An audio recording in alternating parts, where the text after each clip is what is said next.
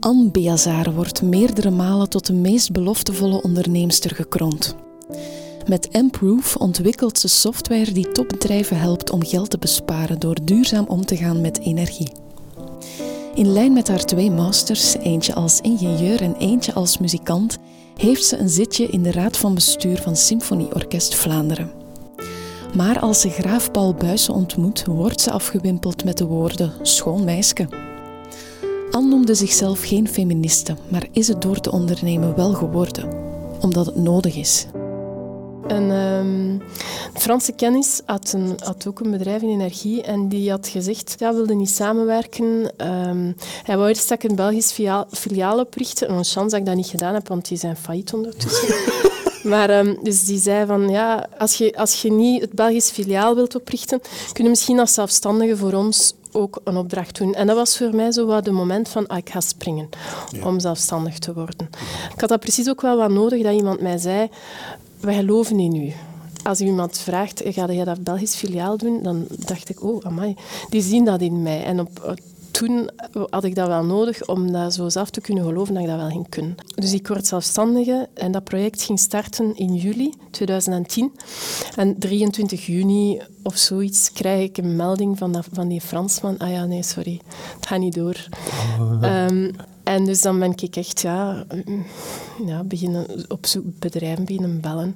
Kan ik iets voor u doen? En dan kwamen er zo wel een paar opdrachten, één, één van een dag in de week. En, en zo groeide dat beetje bij beetje. En wat deed wat deed je dan? Was consultancy op hoe maak ik u energie-efficiënter, uw bedrijf ja, ja.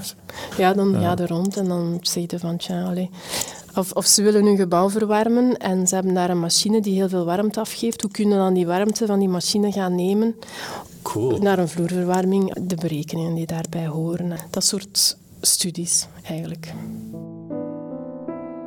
Ik ben mijn bedrijf begonnen uit idealisme. Van, ik wil bedrijven. Ik wil gewoon vooral zorgen dat er minder CO2 in de atmosfeer komt.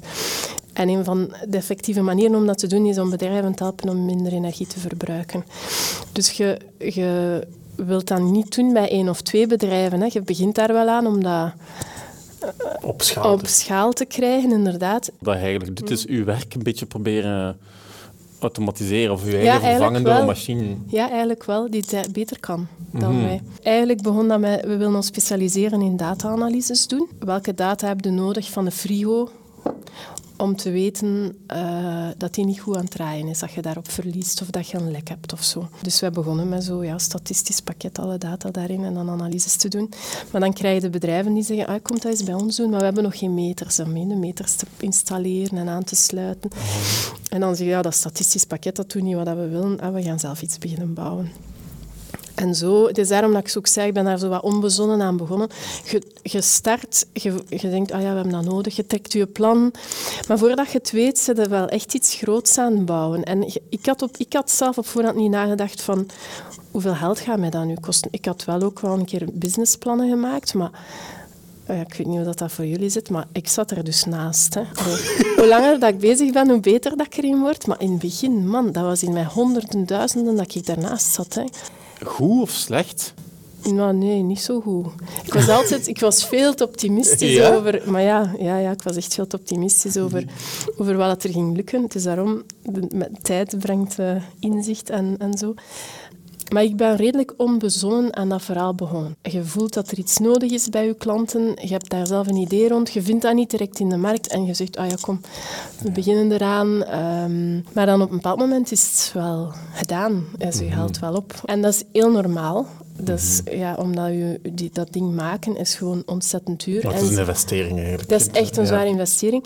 En door de manier waarop dat vandaag software verkocht wordt, namelijk in abonnementen, heb je niet meer in het begin een grote som geld, waarmee dat je ook je grote investering van in het begin kunt mhm. afdekken. Dus je creëert, ja, ik denk in, in 95% van de gevallen, creëerde dus een, een, financiële put die je mhm. dus door dan te proberen groeien uh, bijvult. Maar je hebt daar dus geld voor nodig om dat te kunnen doen tot een bepaald moment. En blijkbaar hebben vrouwen minder kansen om geld te krijgen. Ja, ik heb dat ook al een paar keer geleden. Het is zo. Ja, ja, het is zo, ja. ja. Ik vind dat wel gek eigenlijk.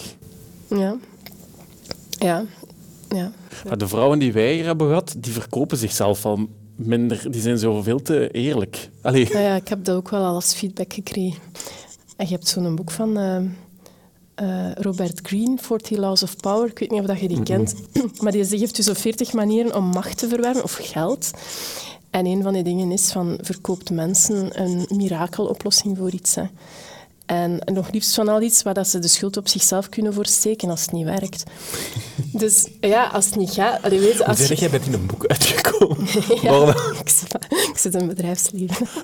ja, dus ik, ik snap de bedrijfswereld niet. Ik dacht, ik heb hier een boek nodig. ja, zo? Ik, ik snap soms de mensen niet. Dus je hebt allemaal machtshongerige mensen die zich zitten af te vragen, damn, hoe kan ik daarvan afgeraken? en dan heb je iemand die het dan ik heb niet heeft, die boeken aan het lezen hoe kan ik een haantje worden? ja, 40 steps. Maar ja, wat voorspelbaarheid in het leven is, is soms wel handig. Ik denk meestal eerst scheelt er iets aan mij. maar dat is dan wel veranderd in, allee, zo raar, van waar komt dat nu? En blijkbaar zit, er, zit de logica bij andere mensen soms anders dan bij mij. Dus ben ik zo, ja, dan lees ik zo'n boek, hè, 40 Laws of Power.